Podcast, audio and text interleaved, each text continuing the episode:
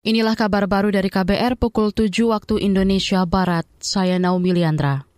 Bekas anggota KPU RI, Hadar Nafis Gumai, menilai waktu yang dimiliki masyarakat untuk meneliti nama-nama bakal calon anggota legislatif terlalu mepet. Hadar Gumai menyebut waktu masa masukan dan tanggapan dari masyarakat hanya 10 hari untuk ribuan nama bakal calon anggota legislatif pemilu 2024.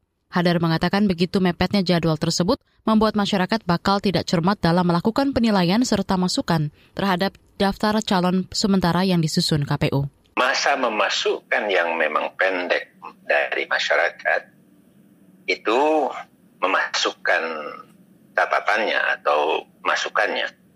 Tetapi mempelajari dari caleg-caleg ini seperti apa, itu sebetulnya harus sudah bisa dibuka dilakukan oleh penyelenggara pemilu kita dari sejak pendaftaran sekarang. Dalam jadwal tahapan pemilu 2024, pengumuman penetapan daftar calon sementara DCS dilakukan pada 19 Agustus hingga 23 Agustus 2023. Sementara masa masukan dan tanggapan masyarakat pada 19 Agustus 28 Agustus 2023. Hadar Nafis Kumai yang juga peneliti lembaga Netgrid mengatakan, semestinya publik sudah bisa mengetahui jumlah daerah pemilihan serta siapa saja bakal calon legislatif yang didaftarkan partai politik melalui sistem informasi pencalonan Silon dari masa pendaftaran Bacalek.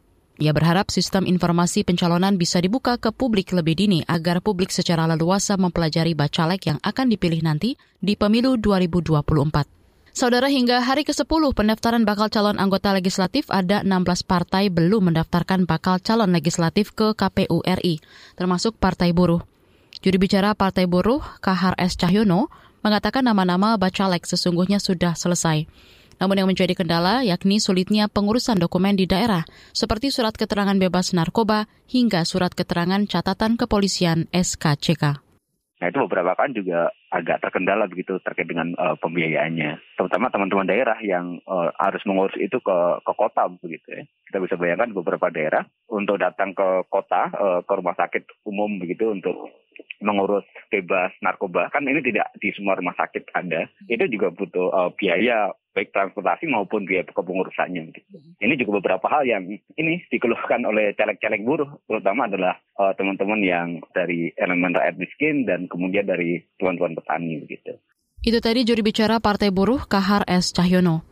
Sejauh ini baru Partai Hati Nurani Rakyat Hanura dan Partai Keadilan Sejahtera PKS yang sudah mendaftarkan bakal calon anggota Dewan di pemilu 2024 hingga 10 hari pasca dibuka 1 Mei lalu.